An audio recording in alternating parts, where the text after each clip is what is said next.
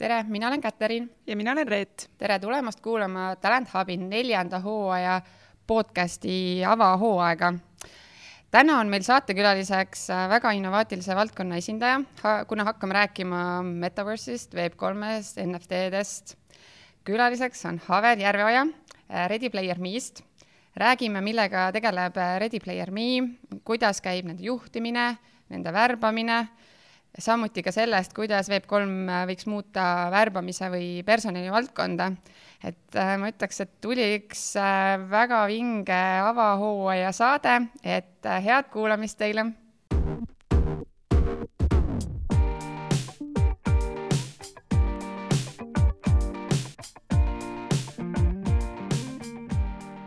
tere, Haver!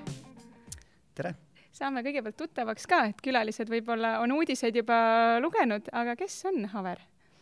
kes on Haver um,? ma arvan, et Haver on ettevõtja, aga siis täpsemalt igapäevaselt uh, Ready Player Me ja siis uh, COO, mis siis tähendab, et ma vastutan ettevõttes uh, hiring'u, finantspoole ja juriidilise poole eest väga põnev äh,. räägi, kuidas sa jõudsid sinna, kuidas, kuidas see, kuidas sinu teekond on Ready Player Me's kulgenud? Noh, nagu ma ütlesin, ma olen ettevõtja, et tegelikult ma olen nagu elu läbi ettevõtja olnud, et äh, Ready Player Me siis tegelikult sai alguse EBS-ist, et ausalt öeldes ma isiklikult pole kunagi ühel nii-öelda palgalisel töökohal olnud, et ma kohtusin EBS-is Timmu ja siis Kaspariga, kes on ka meie kaksteist nii-öelda äh, co-founder'it ja sealt see nagu teekond alguse sai, et, et me oleme juba jah, tegutsenud siin üheksas aasta võrra käib väga vinge, kohe jõuame Ready Player Me'ni ka ja mis see on ja, ja, kuidas, aga aga kuna meil on hästi palju kuulajaid, on HR-valdkonnas ja, ja värbajaid, võib-olla, ja sa vastutad täna nii-öelda värbamise eest ka mm -hmm., võib-olla see on mingi lõbus lugu rääkida kuulajatele värbamisest. Lõbus lugu, ma arvan, et pigem on rohkem neid kurbasid lugusid, onju, aga lõbusad, lõbusad lood. Mm,, võib-olla mõned, mõned nagu näited, mis meil on nagu teekonnal ette tulnud, et noh, ennem nii-öelda Covidit, kui me siin ähm, siis relokeerisime inimesi Eestisse, on ju, siit noh, nagu Valgevenest, Venemaalt ja nii edasi, siis mäletan, üks, üks töötaja ütles mulle siin alles mingi võib-olla pool aastat tagasi, et kuni selle hetkeni, kui ta tuli siis nii-öelda Eesti ja üle Eesti ja Venemaa piiri, ta ei olnud kindel, et kas see ettevõte tegelikult eksisteerib, on ju. et, et noh, me leidsime lihtsalt LinkedInist, on ju, otse kirjutasime talle, tegime protsessi, värbamisprotsessi hästi kiiresti läbi, on ju, ja noh, järgmine samm loomulikult on ju viisad, elamisload ja nii edasi, on ju, polnud inimesega kunagi nii-öelda päriselus kohtunud, on ju, ja siis oligi nagu, et tal endal oli küsimus, et kas, huvitav, kas see ettevõte on ikkagi päris, et ta lootis lihtsalt nagu parimat sel hetkel, kui ta nagu üle piiri tuli, on ju, et ja kusjuures tegelikult oli vist üks töötaja veel, kes mainis nagu sama asja, siis me olime nagu väga üllatunud, et tegelikult te nagu te ei uskunud meid, et aga kuidas te siis nagu võtsite meie pakkumise vastu ja, ja üldse nagu tulite siia, et muutsite oma elu, et te tulite teisest riigist nagu Eestisse elama, aga te samas ei uskunud, et äh, see ettevõte ja need inimesed eksisteerivad nagu onju. et, et see on võib-olla niisugune mingil määral lõbus lugu, aga jah pigem nagu värbamist tuleb ikka ette, on ju, et noh, kui läheb mingisugused pakkumised teile läbi või mingisugused inimesed lihtsalt ei sobi ettevõttesse, on ju, peale seda, kui nad on juba liitunud, on ju, et, et noh, pigem rohkem neid kurbasi või, või õnnetuid lugusid, on ju, nagu nendel, nendel teemadel, aga jah, rohkem nagu lõbusat jah, pole nagu väga midagi olnud, pole nagu mingi nii ekstreemseid olukordasid võib-olla olnud. see on, ma arvan, päris hea point, et väga paljud ju relokeerivad inimesi, me ei mõtle tegelikult sellele, et, et me peaksime üldse nagu tõestama, et meie ettevõte nagu päriselt nagu olemas on, et, et see on nagu võib-olla põhipõhjus mm, -hmm. miks nagu võib-olla üldse pakkumisi vastu ei võeta mm -hmm.. võib-olla mingi avatari, avatari maailm, kus ei olegi inimesi olemas, et Eestis kuskil. võib-olla me liigume sinnapoole, et jah, et me, me näemegi võib-olla oma tulevasi töötajaid ainult avataridena, aga mitte nagu äh, siis, siis nii-öelda nagu füüsiliselt, on ju. Ähm, aga võib-olla, et üks, üks võib-olla mingil määral lõbus lugu, mis, mis mul meelde tuleb praegult, et ähm, kui me otsisime just selle aasta alguses endale siis head of finance'it ja siis me nagu enda peas oli kaks inimest, kes mõtlesime, et noh, nad sooviksid nagu perfektselt, on ju. ja siis tuli välja see, et need mõlemad inimesed omavahel või noh, omavahel koos juba töötasid ja üritasid startup'i teha, on ju, siis me, me kaks kõige parimat kandidaati, kes me mõtlesime, et sobiksid hästi, on ju, et ähm, et jah Kiht, sa juba, juba rääkisid siin äh, mingitest trendidest ka, et võib-olla kunagi ongi kõik töötajad avatarid, aga tegelikult mul järgmine küsimus lihtsalt ongi, et et kas, kas äh, mingi selline maailma muutev trend, mida sina võib-olla jälgid täna? maailma muutuv trend, selles mõttes ma ütleks, et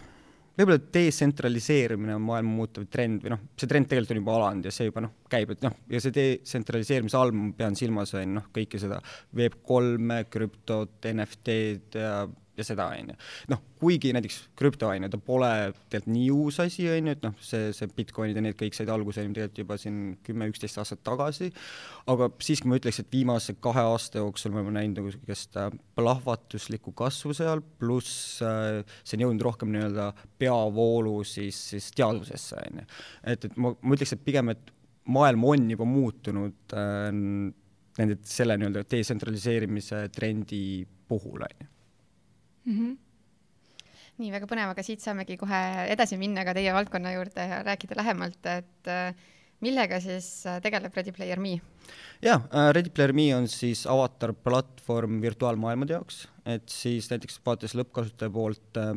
lõppkasutaja saab teha endast avatari ühe pildi põhjal ja siis kasutada seda avatari erinevates virtuaal nii-öelda aplikatsioonides, on ju, need võivad olla siis mobiilimängud, arvutimängud, virtua-, virtuaalreaalsuse aplikatsioonid, mingid produktiivsuse aplikatsioonid, et selle avatariga siis tema nii-öelda identiteet kõikides nendes keskkondades või aplikatsioonides jääb nagu samaks ja ta saab liikuda ühest siis, siis, siis keskkonnast teise niimoodi, et noh, täpselt, et identiteet on tal konst-, konstantne siis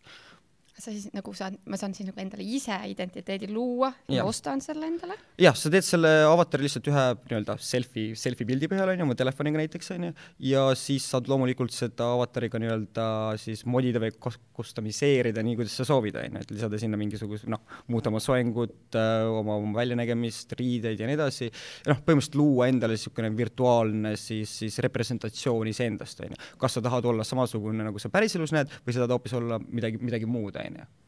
mm,. okei põnev. ja mis on teie nagu selline, ütleme, founding story, et sa ütlesid, et te olete üheksa aastat tegutsenud mm, -hmm. et äh, et kuidas see alguse sai, et kas teil oli kohe see mõte, et oh, teeme sellise asja või, või see on nagu kujunenud koos selle, kogu selle Web3-e ja kogu selle metaverse'i maailmaga koos? no see on väga iteratiivne teekond olnud, ütle, ütleme nii, et jah, üheksa aastat, see on päris pikk aeg, et väga palju asju on selle jooksul toimunud, onju aga nagu ma varem juba mainisin, et äh, me tegelikult kohtusime noh, meil on neli co-founder'it, on ju, kolm meist käisid siis EBS-is ja seal me kohtusime ja alguses lihtsalt noh, me olime vist noored, noored tüübid ja tahtsime midagi teha siis tegelikult 3D printimise valdkonnas, et see noh, tollel hetkel see oli nagu väga üles haibitud valdkond, on ju, kõik meedia kirjutas sellest, nagu praegu Metaversist näiteks kogu meedia kirjutab, on ju, või, või krüptost, on ju, ja siis lihtsalt see tundus nagu huvitav, huvitav ja nii-öelda potentsiaalikas valdkond olema, kus võiks nagu midagi teha, on ju. me hüppasime sellesse lihtsalt nagu pea eest sisse, ütleme et võib-olla tahtmist oli rohkem kui teadmisi, on ju,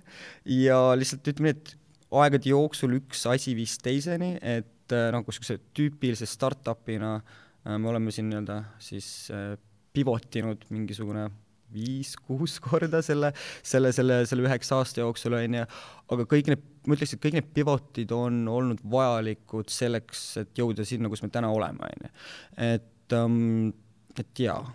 see on nagu, et, et see on tõsine tahe ja motivatsioon, et teha midagi, selles mõttes, et kui sa oled nii palju teinud ja, ja muutnud ja, ja oled valmis nagu õppima ka selle mm -hmm. käigus mm, -hmm. et ma arvan, et see on lahe. Ja samas tegelikult mõelda, et 3D printimine ja täna te teete nagu, nagu 3D printe iseennast siis äh, avatariks, et see on nagu see rohkem nagu 3D, jaa, praegu nagu rohkem see 3D skännimine selles, selles ja, mõttes on, aga ikkagi see on ikkagi see 3D nagu maailm on ju, et aga mida ma võib-olla ütleks, et, et kogu selle üheksa aasta jooksul selles mõttes visioon on kogu aeg olnud sama, ehk siis tuua nagu päris või tuua nagu inimesi nii-öelda füüsilisest maailmast virtuaalsetesse maailmadesse, on ju. lihtsalt viisid, kuidas me oleme üritanud seda saavutada, on väga erinevad, on ju, aga nüüd see on lihtsalt kulmineerunud äh, Ready Player Me näol, mis me arvame, et on nagu parim viis selle visiooni nii-öelda siis, siis täideviimiseks, on ju. Mhm. kuule, aga räägi meile natukene mõne sõnaga äh, kes on äh, teie kliendid ja et see kõik tundub nagu huvitav ja avatarid ja ma ei tea, et ma olen kuulnud, Paris Hilton on endale mingi virtuaalmaailma mm -hmm. teinud, et kes teie kliendid on? ja täpselt, et äh, Ready Player Me on, on ju platvorm, on ju, et ühelt poolt on siis lõppkasutajad, on ju, kes siis jah, teevad oma avatari ja saavad kasutada neid siis meie nii-öelda partnerite aplikatsioonides, on ju, aga tegelikult me oleme keskendunud siis, siis äh, arendajatele, on ju, arendajatele siis noh, olgu nad siis mänguarendajad, virtuaalreaalsuse rakenduste arendajad, mingite muude nii-öelda jah, interaktiivsete, interaktiivsete interaktiivsete rakenduste arendajad, on ju, me neile anname siis enda tehnoloogia, mis on siis avatarsüsteem, on ju. Nemad ei pea enda aega ja siis raha kulutama, et avatarsüsteemi nullist ehitada, sest tegemist on väga-väga raske, väga raske asjaga, mida teha, on ju. Nad saavad lihtsalt võtta meie oma ja tänu sellele nad saavad enda siis, siis ähm, toota kiiremini turule, on ju, et nad saavad keskenduda rohkem nagu sellisele gameplay'le ja, ja storyline'ile ja nii edasi, on ju, et ähm, nende jaoks me lihtsalt nagu hoiame kokku aega ja, aega ja raha, on ju, et tegelikult meie põhiline klient tänasel päeval on ikkagi siis, siis mingisuguse kas mängu või rakenduse arendaja. okei okay okei okay., lähme nüüd natukene veel teie kui tiimi juurde ka, et äh, kui palju inimesi täna Ready Player Me's on ja kas te olete ainult Eestis, teistes riikides, kuidas see kõik paiknemine mm -hmm, toimub mm? -hmm. Um, jah, tänasel päeval on meid viiskümmend üks. Um, me oleme jah, meil on inimesed neljateistkümnes erinevas uh, riigis, kuigi jah, siin ütleme nii, et kusagil pool seltskonda on Eestis, kusagil kakskümmend midagi inimest, on ju, aga, aga jaa, meil on siin inimesi Berliinis, Barcelonas, Londonis, Ukrainas äh,, Austrias, et jah, ma võin, või see on mm, -hmm. nagu ütlesin, neliteist, neliteist erinevat riiki, on ju, aga aga mis meil nagu niisugused suuremad kohad peale, peale Tallinna ja Eesti on, on siis hetkel Berliin ja Barcelona. okei okay ja muidu on nagu remote? jaa, muidu on nagu, jaa, muidu on remote, on ju, kuigi noh, meil on siin kontor Tallinnas olemas, meil on ka tegelikult kontor Berliinis olemas ja hakkame ilmselt ka Barcelonasse varsti looma nii-öelda nagu füüsilist kohta, kuhu inimesed saavad kokku tulla, kui nad, kui nad soovivad, on ju. aga üldiselt jaa äh,, ikkagi, ikkagi fully remote selles mõttes, jah mm. -hmm. ja millist äh, ettevõtet te olete oma vaimusilmas tahtnud luua, et, et sa äh, natuke oled sellest nüüd rääkinud, aga, aga just sellisest kultuurilisest aspektist, et mis kas see üldse on oluline, kas see üldse on teie jaoks oluline või, või olete virtuaalmaailmas ei, absoluutselt on, aga me, meie nagu eesmärk on, founder'itina just eriti on, on ikkagi luua äh, nii-öelda maailmatasemel ettevõte, on ju. Äh, aga mis puutub siis jah, väärtustesse, loomulikult, loomulikult see on oluline, on ju, ja tegelikult noh, ma võin isegi öelda, et meil on nagu neli põhiväärtust ettevõttes, mis meid kõiki, kõiki ühendab, on ju, ja nüüd vabandust võib-olla ingliskeelsete terminite eest, aga, aga noh, vuristades need ette, on ju, mhm. siis, siis esimesena on nagu hungry for impact, on ju. et me oleme, me oleme ambitsioonikad ja me tahame teha nii-öelda asju, mis, mis on nagu olulised ja mis muudavad maailma, on ju. siis loomulikult me arvame või me loodame, et me oleme nagu paremad, kui, kui me olime, olime nagu eile, mis tähendab see, et me oleme alati nii-öelda õpiimulised, õpiimulised ja siis push ime üksteist nagu edasi saama paremaks, on ju. siis loomulikult me, me hoolime, ma loodan, et me hoolime muidugi et ja see ei tähenda ainult seda, et, et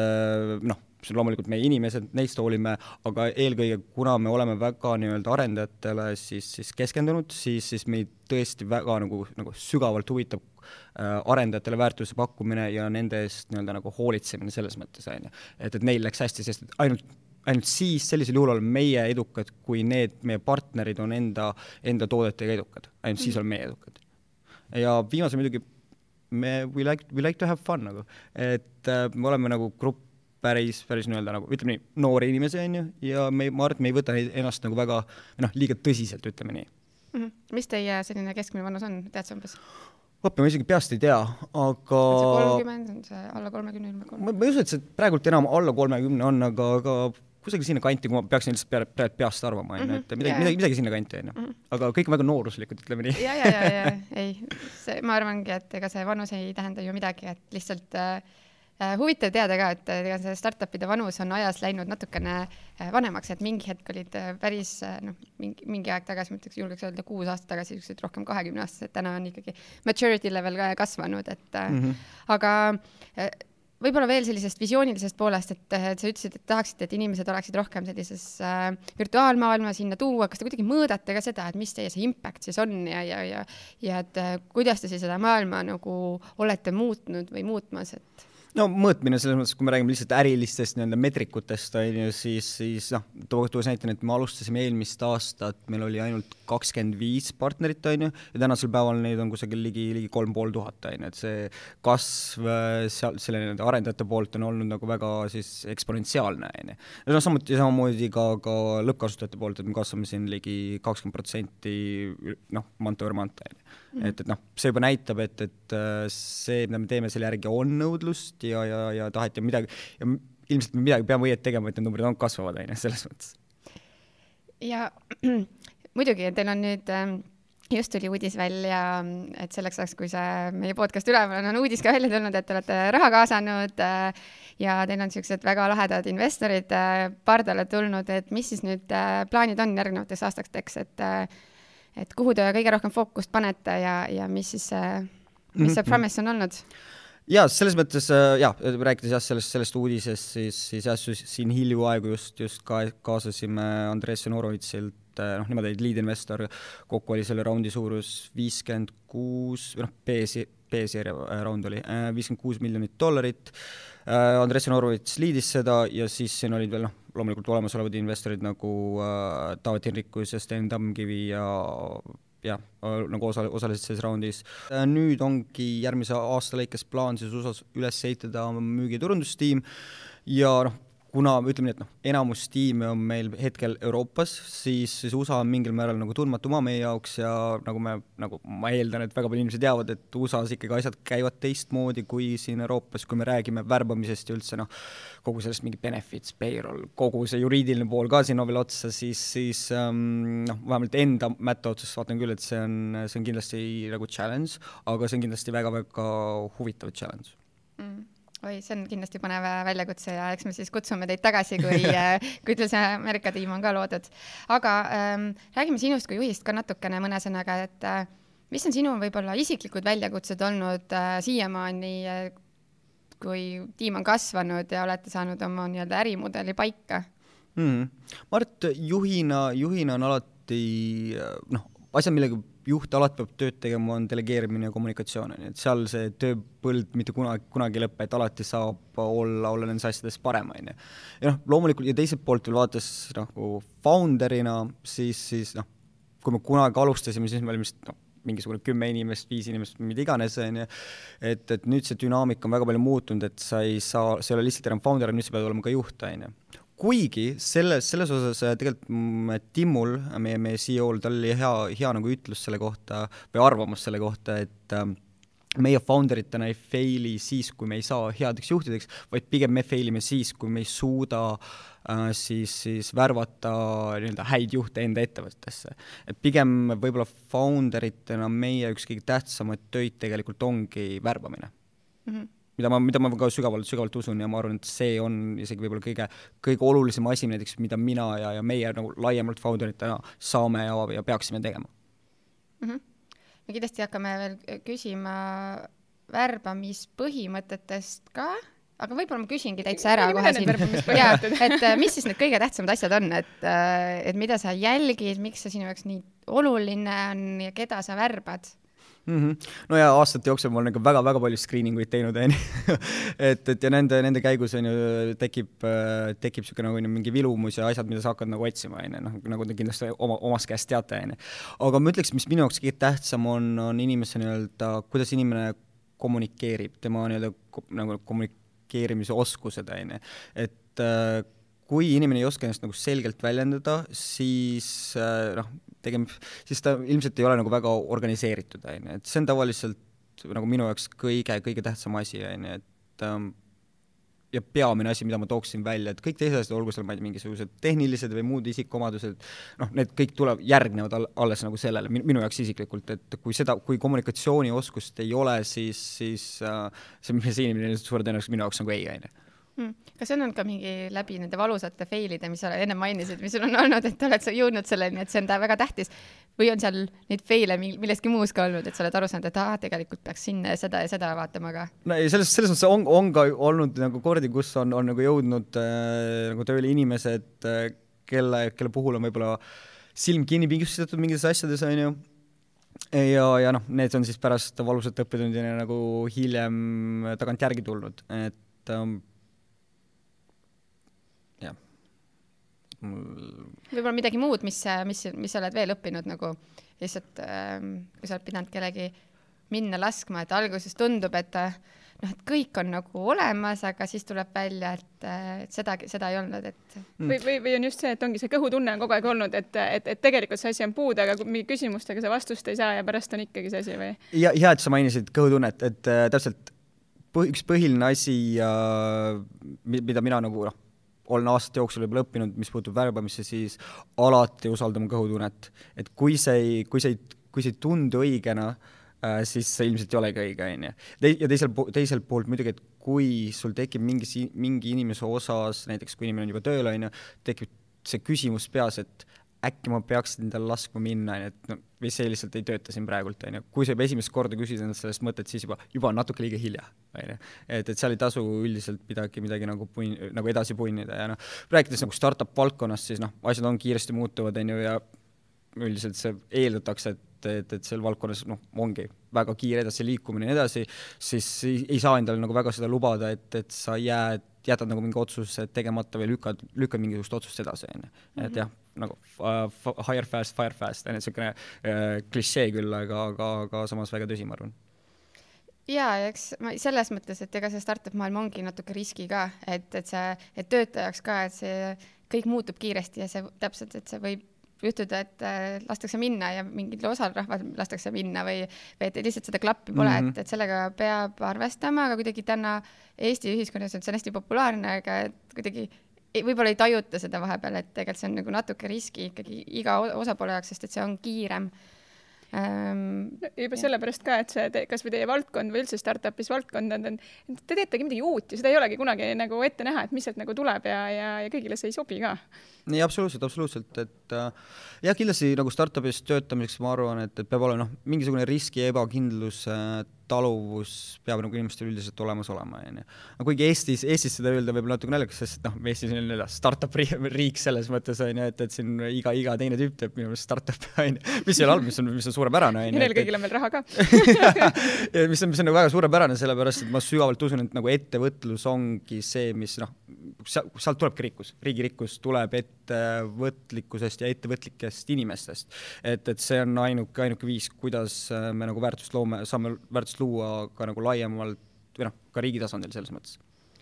Ma tulen tagasi korra see kõhutunde juurde, et tegelikult noh, mina professionaalselt ikka värva ütlen, et see on alati, tegelikult seal on midagi taga, et mida sa teadvustad, mis sul on olemas, et mida sa otsid, aga tihtilugu lihtsalt seda ei suuda verbaliseerida. Ja ma ise ka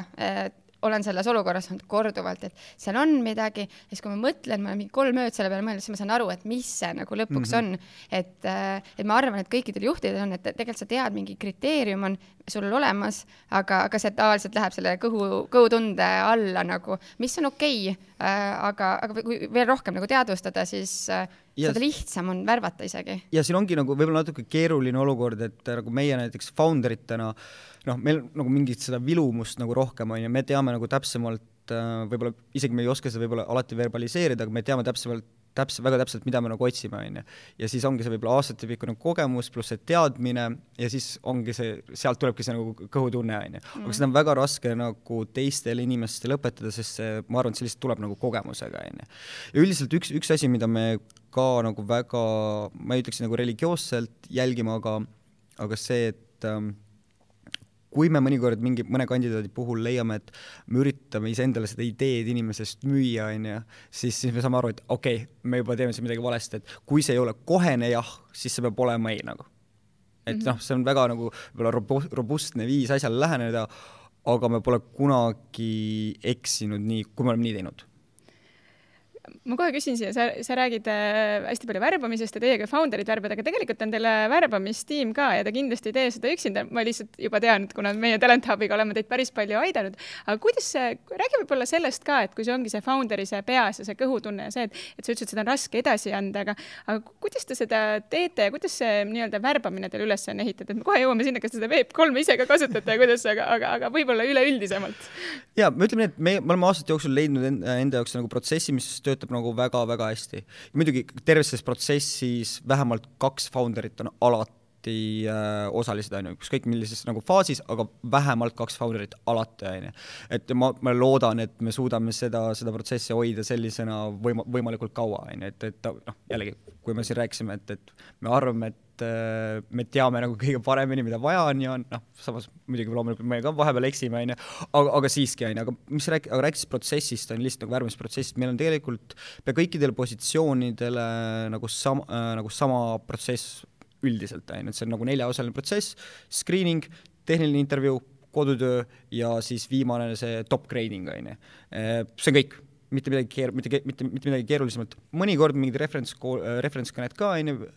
kui, kui, kui just niisugused mingid positsioonid, mis on rohkem nii-öelda nagu ma ei tea, näiteks mingisugused VP või head of leveli, leveli positsioonid, on ju, et siis, siis on ikkagi vaja nagu kusagilt väljaspoolt ka küsida mõned, mõned nagu referentsid, aga üldiselt kõik rollid järgnevad või nagu järgivad seda, seda nii-öelda, seda, seda protsessi ja ma arvan, et see töötab meie jaoks nagu, on töötanud aastate jooksul väga, väga, väga hästi, on ju Okei, aga lähme sinna Web3-e siis. kuidas sa ise nagu näed, et kas see mõjutab täna kuidagi personalivaldkonda ka ja kuidas mm? -hmm. Uh, personalivaldkonda, kuidas see mõjutab um,? ma ütleks, et uh, mida, mida ma olen võib-olla näinud, mida suured noh, mis on viimase siin aasta jooksul, kui on väga palju räägitud, on ju siin noh, krüpto, Web3, Metaverse ja nii edasi, NFT-d loomulikult on ju, siis kõik need nagu suur, suured ettevõtted on nagu aru saanud, okei okay,, maailm on sinnapoole ilmselt liikumas, on ju, me peame midagi tegema ja siis nad on nagu suure hurraaga hakanud siin igasugused, ma ei tea, metaverse officer'id ja metaverse strategists ja nii edasi, selliseid nagu positsioone tekitama ja palkama, on ju. mida on nagu huvitav näha ja siis, kui ma mõnikord olen nagu sattunud mõndade nende suurte korporatsioonide inimeste nii-öelda äh, profiilide peale, siis tegelikult ma vaatan, nad on tulnud nagu noh, nad ei ole sellest, sellest valdkonnast tulnud, on ju, mis ei tähenda, et nad ei ole nagu näiteks ise õppinud seda, on ju, noh, ongi, kuna see on nii uue valdkonnaga tegu, siis kõik inimesed tegelikult selles valdkonnas ongi väga nii-öelda noh, ise, ise hakanud asju uurima, vaatama oma vabal ajal ja arendama ennast selles, on ju. E, ja mis, ja tuues see nagu selle kokku võib-olla nagu värbamisega, on see, et, et üldiselt inimesi kellel oleksid mingisugused teadmised selles, selles valdkonnas, need on pigem nagu raske leida, sest et üldjuhul on tegemist äh, väga, väga nagu noorte inimestega, sest et tavaliselt noored inimesed on ähm, nagu niisugused early adopter'id rohkem, on ju. ja kui tegemist on niisuguse tegemist on siis uue, uue nii-öelda valdkonnaga äh,, noh, siis ei olegi väga palju inimesi üldse, kes, kes või noh, mis see talent pool seal nagu oleks, on ju. ja siis ütleme nii, et neid inimesi ei leia väga nagu traditsiooniliste meetodiga nagu jah, LinkedIn Recruiter on ju, et, et neid inimesi tuleb otsida pigem jah, Discord, Reddit või jah, lihtsalt isiklike tutvuste kaudu või olla ise kohal nendes kohtades, kus need inimesed hängivad nagu on ju. Äh, mis ongi jah, üldiselt, üldiselt Reddit ja Discord näiteks on ju sa väga kihvtilt nagu ütlesid, et nagu, et neid inimesi väga ei ole, aga see ongi nii uus valdkond, see on seesama nagu, et inimesed tulevad koolist välja ja siis oodatakse, et neil on kümme aastat kogemust, aga vanust ei ole piisavalt, onju, aga tegelikult täpselt, ei täpselt, ole see. aga eh, ma saan aru, et neid inimesi värvata on keeruline, et nad liiguvad teistesse ähm, nii-öelda keskkondades, aga mõtleme, mõtleme üleüldiselt, et kuidas see Web3 või kas see kuidagi mõjutab nagu personali nagu või võib-olla mingeid süsteeme ja asju, mida sa näed, mis võib juhtuda viie aasta pärast, et äh, või, või kümne aasta pärast, võib-olla vähemaski tulevikus, et et kas midagi nagu, nagu sa oled täna värbamises sees ja sa mm -hmm. näed, kuidas see äh, HR inimesed töötavad, mis nad seal teevad, kõik need süsteemid ja asjad ja et kas, kas seal hakkab ka mingeid muudatusi toimuma? ja rääkides nagu, nagu laiemalt nagu HR-ist on ju ja sellest, sellest funktsioonist, siis, siis noh, nemad, need inimesed, kes tegelevad selles valdkonnas, nad peavad arvestama sellega, et äh, nad peavad rohkem nii-öelda mingite remote workforce mingite teemadega tegelema, on ju. et noh, kuna tegelikult me oleme selles remote äh,, remote nii-öelda olukorras alates Covidist, on ju, siis ma arvan, et see veel muutub, muutub veel, rohkem laiemaks siin järgnevate, järgnevate aastate jooksul, on ju. et äh, ja see võib tekitada, ma ei kujuta ette veel, mis probleem, sest ma ei ole nagu nii-öelda HR spetsialist, kaugel sellest, on ju, et, et ma olen võib-olla värbamise, aga kindlasti mitte HR-is võib-olla mitte kõige parem, on ju. aga, aga siis, kui ma mõtlen lihtsalt nende inimeste töö peale, siis vaadates kas või enda ettevõtet, et kui meil on siin, on ju, inimesed, ma ei tea, kolmes-neljas erinevas kontoris näiteks, on ju, Euroopas või isegi ka USA-s, on ju, siis kuidas äh, näiteks personalijuht äh, seda kõike nagu haldab, on ju, kui need inimesed on nii kaugel, nii erinevates kontekstides, nii erinevates kultuurides isegi, siis ma pakun, et sealt tuleb neile väga palju huvitavaid olukordi nagu ette, on ju. Ma, ma lihtsalt äh, korra küsin, see selline mõte, et kas, kas kunagi nagu võib-olla me inimesed enam üldse ei kohtugi ja tegelikult ongi kõikidel need avatarid ja, ja kas võib olla, et sul on nagu üks hetk nagu tiim, kes nii-öelda on,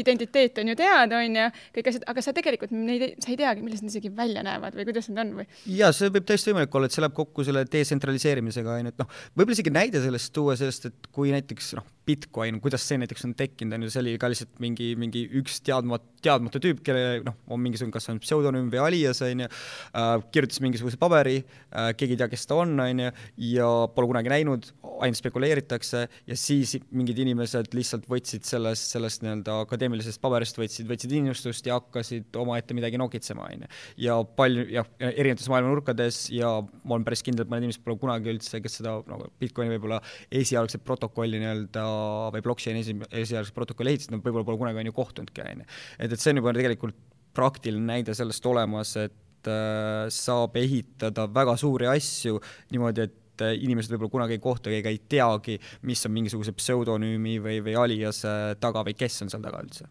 aga kuidas see mõjutab äh, sellist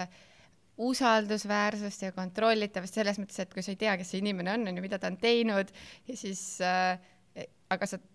nagu otseselt nagu tahaksid teha kellegagi koostööd, aga sa ei tea, et, et kuidas see kõike seda maailma nagu või, või, või, või vastupidi, et võib-olla see loob hoopis nagu usaldusväärsust sinna, sest et äh, selle meetodi tõttu.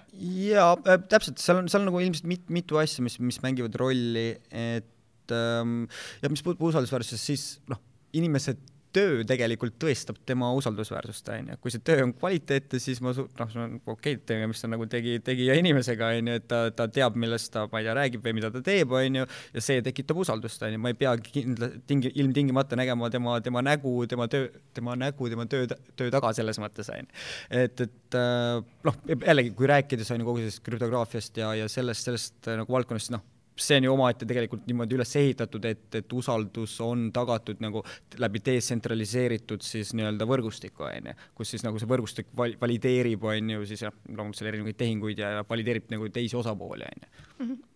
keegi äh, mulle kes tegutseb ka Web3 maailmas, rääkis äh, lugu, et noh, LinkedIn äh, näiteks täna siis CV-na on väga hästi usaldusväärne, aga tegelikult sa võid sinna panna ükskõik mida et, et ma võin kirjutada sinna täna, et ma töötasin Google'is, tegin mingit asja, aga keegi ei valideeri seda, keegi ei kinnita seda. ma panen, ma mõtlen lihtsalt, panen mingi paar rida endale juurde, ükskõik mis ettevõtte kohta, sest et see, see ei ole kinnitatud. aga et nii-öelda Web3-s, kus on see wallet, et seal on nagu see, et ainukesed asjad, mida sa nagu teed, kõik, mis sa teed, läheb kirja mm -hmm. ja sa ei saa seda ise nagu otseselt muuta, et mm, -hmm. et see pidavat siis nagu loomagi seda usaldusväärsust ja läbi siis noh, ongi näiteks selle wallet'i, mis võiks asendada siis su CV-d tulevikus näiteks, et sa kogud sinna neid äh, tükke või neid töölõike, mida sa siis päriselt oled teinud ja see on kõik seal näha ja jäädavalt ja sa ei saa seda ise kuidagi nagu mõjutada et äh, mm,. ja, ja absoluutselt, see on väga-väga nagu õige mõte ja, ja noh, see on ka võib-olla üks, üks probleeme, mida on ju kogu, kogu see, see valdkond ka, ka lahendab, on ju. tuleb isegi võib-olla nagu niisugune näide meelde või noh, kuidas võib-olla tuua siin võib-olla mõnel, mõnel kuulajal mingisugust paralleeli, siis noh, tegelikult mida, mida isegi äh, kogu see eri, erinevad nii-öelda blockchain'id siis ütleme nii äh, nii-öelda elimineerivad näiteks notarid, on ju. et äh, sul jääb, noh, kui notar on niisugune nii-öelda tsentraalne riigi poolt määratud siis, siis isik või institutsioon, mis valideerib mingite osapoolte vahelisi tehinguid või, või mingisuguste osapoolte mingi nii-öelda credential eid, on ju, siis noh, sama asi tegelikult praegult toimub siis läbi, läbi siis nii-öelda krüptograafiliste meetodite, on ju, nii-öelda, või selles kogu selles võrgustikus, on ju väga põnev, ma mõtlen seda, et, et täna kriminaalkaristus mingi hetk aegub, aga kui sul nüüd on see äh, wallet nii-öelda CV-na, et, et, et, et, et, et, et see on nagu see on niisugune no, pahum pool olla, selle, mitte pahum, mitte pahum pool, aga selles mõttes, millest sa kunagi langu lahti ei saa ja ma ei ole kindel, kas see nagu on, oleks nagu hea mõte, on ju, selles mõttes ma küsin, mis sa arvad, kas, kas Ready Player Me's on viie aasta pärast äh, võib-olla selliseid virtuaal siis tiime, kus sa kunagi kedagi ei ole kohanud ja keda sa oled võib-olla siis wallet äh, äh CV-ga äh, värvanud uh,? Never say never nagu täiesti võimalik, onju. küll aga tuues, tuues mängu võib-olla teise aspekti, et jällegi inimestena me oleme sotsiaalsed loomad, onju me ikkagi võib-olla aja, ah, nii-öelda vahetevahel tahame teisi inimesi ka näha, on ju, nendega, nendega nii-öelda füüsiliselt kohtuda. et noh, ma ei, ma ei võtaks seda asja nagu nii, nii mustvalgelt, et, et jah, võib-olla, et siin viiekümne aasta pärast on ju, me ei, me ei tea, kes meie kaastöötajad on ju on ja nii edasi, aga ma, ma arvan, et nagu tõde on kusagil, kusagil seal, seal vahepeal, on ju, et, et ikkagi mingi, mingi nagu füüsiline ja sotsiaalsed olukorrad ka töökohas äh, ikkagi jäävad aga ma ikka küsin selle ka ära, et äh, aga kui tõenäoline, et see kõik lendab et niimoodi vastu taevast, et äh, seda ka spekuleeritakse lihtsalt nii palju, ma pean seda ju küsima ometi. et mida sina ikkagi arvad no vaata, see on jällegi siin minu arust paralleele väga-väga palju, et äh, täpselt sama asi juhtub iga uue tehnoloogiaga, on ju, et äh, noh, alguses, kui midagi, midagi uut luuakse, on siis esimesed inimesed, kes hakkavad seda, ma ei tea, tehnoloogiat või, või midagi hakkavad kasutama, siis laiem üldsus vaatab nagu nende peale kui mingisugused lollid või, või neid naeruvääristatakse ja nii edasi, on ju. aga nagu jällegi, tegemist on alati äh, nagu protsessiga, on ju, need asjad võtab, võtavad aega, on ju. noh, ma ei tea, kas, kas või isegi tuua näidest, näidet siin mingisugusest äh,, ma ei tea auto, autodes kas või onju, et noh, inimesed tahtsid kiiremaid hobuseid onju ja auto, autode peale noh, vaadati, vaadati nagu väga-väga viltu onju, kunagi väga-väga ammu onju, siis, siis noh, jällegi, aga maailm oli tegelikult läbi, läbi auto tuleku nagu muutunud onju, ma arvan, et me oleme ka näiteks ka siin, siin hetkel praegult siin, et noh, maailm on juba muutunud, nüüd lihtsalt, millal me jõuame sinna faasi, et see on nagu laiemale üldsusele kasulik ja kasutatav onju et ma, ma ei, alati on muidugi, alati loomulikult praegult on, on, on nagu väga palju skepsist selle, selle suhtes on eriti noh, mingi NFT-de asjade osas, kus kõik arvavad, see on no,, mitte kõik arvavad, aga osad arvavad, et tegemist on püramiidiskeemiga, teised arvavad, et see on nagu, ma ei tea, parim asi, mis, mis on üldse maailmaga juhtunud, on ju. et, et noh, see on minu arust äh, lihtsalt, lihtsalt äh, iga uue tehnoloogia puhul, puhul on sellised olukorrad nagu. Okei okay,, tuleme tagasi korra siia päris maailma, selles mõttes, see on ka päris maailm, aga, aga nii-öelda, aga värbamisest veel, et täna, kuidas sa ise hindad, et kas see, et te olete nii uues valdkonnas, kas see teeb teie värbamist lihtsamaks või tegelikult keerulisemaks? nii ja naa, äh, on olnud olukordasid, kus, kus meil on öeldud, ei, meid, mind ei huvita nagu, kui nad tegelete mingisuguste NFT-de asjadega, it's a scam, it's a pyramid scheme, nagu ei, unustage ära, onju. aga samas teiselt poolt on ka see, et jaa, et see on nii huvitav valdkond, see tundub next big thing, et noh, jällegi see on väga-väga seinast seina ainult, aga kui rääkides nagu üldisest sentimendist, siis ma arvan, et pigem inimesed on ikkagi nagu põnevil ja ju huvitatud sellest, võib-olla mõned aastad tagasi oli, noh, mõned aastad tagasi jah, seda veel nii ütleme nii, et viimase kahe aasta jooksul, kui see on läinud rohkem nii-öelda siin jõudnud mainstream'i äh,, siis see asi on pigem, ma ütleks pigem positiivne, need, kes arvavad, et tegemist on mingisuguse äh, skämmiga, siis need on pigem vähemuses nüüdseks juba mm. -hmm. meil on väga palju kuulajaid, kes just IT-valdkonnas äh, tegutsevad ja arendajaid värbavad, sina ütlesid, et te teete toodet nagu, mis on peamiselt suunatud arendajatele. kas arendajaid on järjekorras ukse taga, kes tahavad tulla tööle või kuidas sellega on? Um,? ütleme et me otsime, meil on tegelikult natuke unikaalne olukord, on ju, eriti noh, me otsime inimesi mängundus, üldist mängundussektorist, kuna noh, me oleme ise ka pooleldi, poole jalaga mängundussektoris, on ju. ja noh, mis puutub näiteks Eestisse, siis noh, Eestis ei ole mängundussektorit, on ju, et, et ja meil on, aga meil on vaja sellise kogemusega inimesi, on ju, noh, kel, kes oleksid, oskaksid, on ju, siin erinevaid mängumootoreid ja nii edasi, on ju, et Eestis see turg kahjuks on, on nagu suhteliselt väike, on ju, seega me oleme sunnitud juba sellepärast tegelikult väljaspoolt, väljaspoolt otsima, on ju. siin jah, ongi Barcelona, Berliin, on ju, kus on siis erinevaid suuri mängustuudioid, on ju. no aga mängundussektor on üldiselt väga-väga competitive, on ju, et teisalt jah, kuigi, kuigi isegi me lähme Eestist väljapoole otsima, siis ähm, see on ikkagi nagu raske, on ju, sest et neid inimesi ei ole palju, pluss eriti just selle mm, Covidiga seoses, on ju, kui väga palju inimesi järsku hakkasid erinevaid virtuaalseid rakendusi arendama, on ju, noh, mis tegelikult on meile hea, sest need on väga palju meie klientideks tulnud, aga samas kõik need äh, ettevõtted vajavad samu inimesi, keda me ise vajame, on ju. Mhm. et, et see niisugune mingil määral paradoksiaalne olukord, on ju. et ei ole kuskil kerge? ei, täpselt, ei ole, ei ole nagu kuskil kerge, täpselt nagu. või midagi ei tule kergelt, ütleme nii nii, aga Haver, me hakkame nüüd äh, otsi kokku tõmbama ja, ja kell on läinud väga kiiresti ja ma tean meilegi uskumatult. Äh, mul on tegelikult kohe, kui ma küsin kolm viimast küsimust ära, ma tahtsin veel küsida selle rahastuse ja üldse startup maastiku kohta, et eh, eks siin kõik on kuulnud neid eh, lugusid, eh, kuidas raha on keeruline kaasata praegu ähm,, hästi niisugune ebakindlus on, ma ei tea, investorid on sellised tasakaalukamad, võib-olla ei anna nii kergelt raha, et kuidas äh,, kuidas sina hetkel seda olukorda näed ja hindad, et, et mis need muutused võivad olla või, või mis see sügis võib kaasa tuua, mida siis mm. paljud kardavad? Ütleme et äh, ma isiklikult arvan, et kvaliteet tõuseb alati pinnale selles mõttes mm -hmm. ja jällegi tuues nagu näite, näide või paralleel nagu äh, võib-olla siin kaheteist, kolmeteist aasta tagusest ajast on ju, siis äh, nagu Airbnb,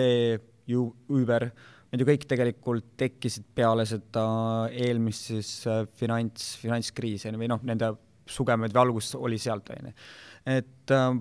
ütle, ma isegi mingil määral ütleks, et ähm, mingisugune langus, ma ei taha mitte öeldes kriis, on äh, on hea, sellepärast et see võib-olla puhastab turgu asjadest, mida võib-olla inimesed ei peaks tegema, on ju. kas sa siis tahad öelda, et me oleme praegu kriisis? languses? Äh, me oleme, me oleme kindlasti kriisi pool teel, kui, kui, kui mitte just me ei ole juba kriisis ilma endale teadmata, et mina lihtsalt rääkides ettevõtjana äh,, ma arvan, et me oleme tegelikult ju, see on mu isiklik arvamus mm, -hmm. et ma arvan, et äh, me oleme juba tegelikult kriisis, aga me ei tea veel seda okei okay. äh,, väga põnev. nii, aga viimased kolm küsimust siis ähm,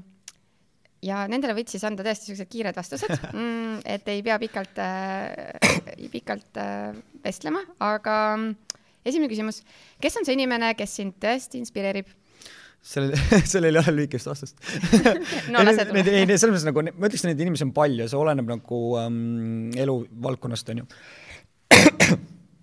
et jah, ma ütleks, et inimesi on palju, et, et äh, kindlasti ma pean nagu mainima meie, meie nagu nagu founder'id, Rainer, Timot ja Kaspar, et näiteks noh, me push ime üksteist äh, nagu edasi ja noh, me komplementeerime üksteist väga hästi ja, ja noh, ma ütlen, me ei, see, et me oleme suutnud olla üheksa aastat koos ja